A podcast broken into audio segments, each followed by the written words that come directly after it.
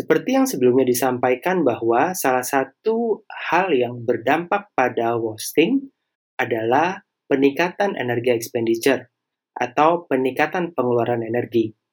Pada orang yang mengalami infeksi HIV, terjadi peningkatan resting energy expenditure atau basal metabolic rate.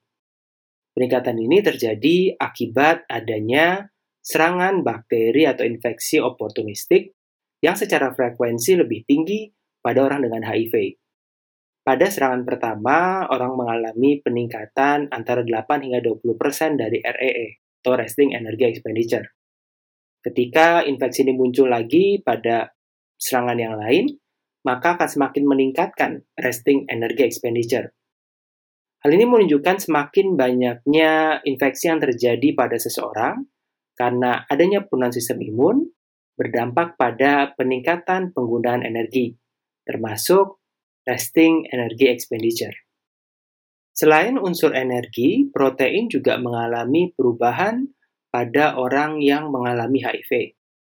Diketahui bahwa metabolisme protein ini terpengaruh oleh kondisi dan stase dari HIV. Pada orang yang masih asimptomatik, maka orang tersebut memiliki protein turnover yang lebih rendah.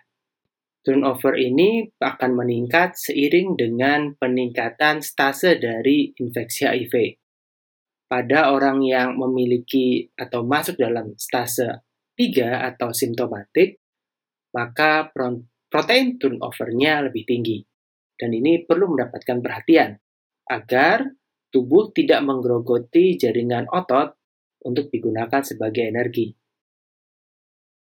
Pada sel-sel dan jaringan lemak juga terdapat perubahan, serta metabolisme lipida dan lemak juga terpengaruh oleh kondisi infeksi HIV. Diketahui bahwa HIV berhubungan dengan peningkatan kadar dari trigliserid.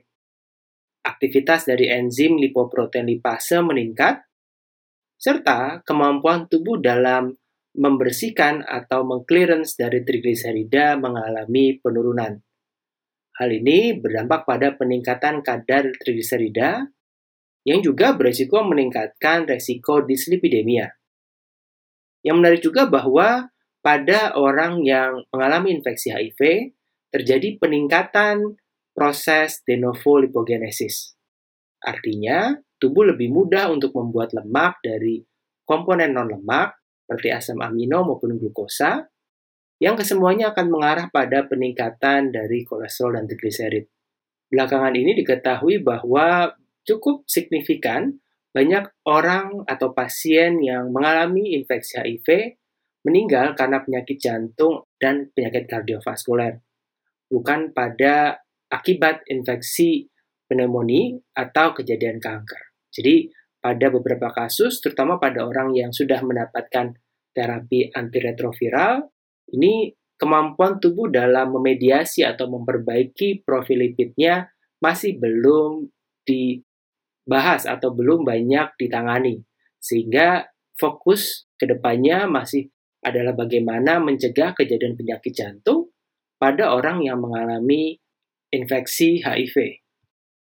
Metabolisme karbohidrat mengalami perubahan pada orang yang mengalami infeksi HIV. Beberapa studi menyebutkan bahwa terjadi peningkatan stres insulin dan peningkatan dari kecepatan dalam pembersihan insulin pada orang yang mengalami HIV. Dan ini kemudian berdampak pada respon tubuh terhadap zat gizi seperti glukosa.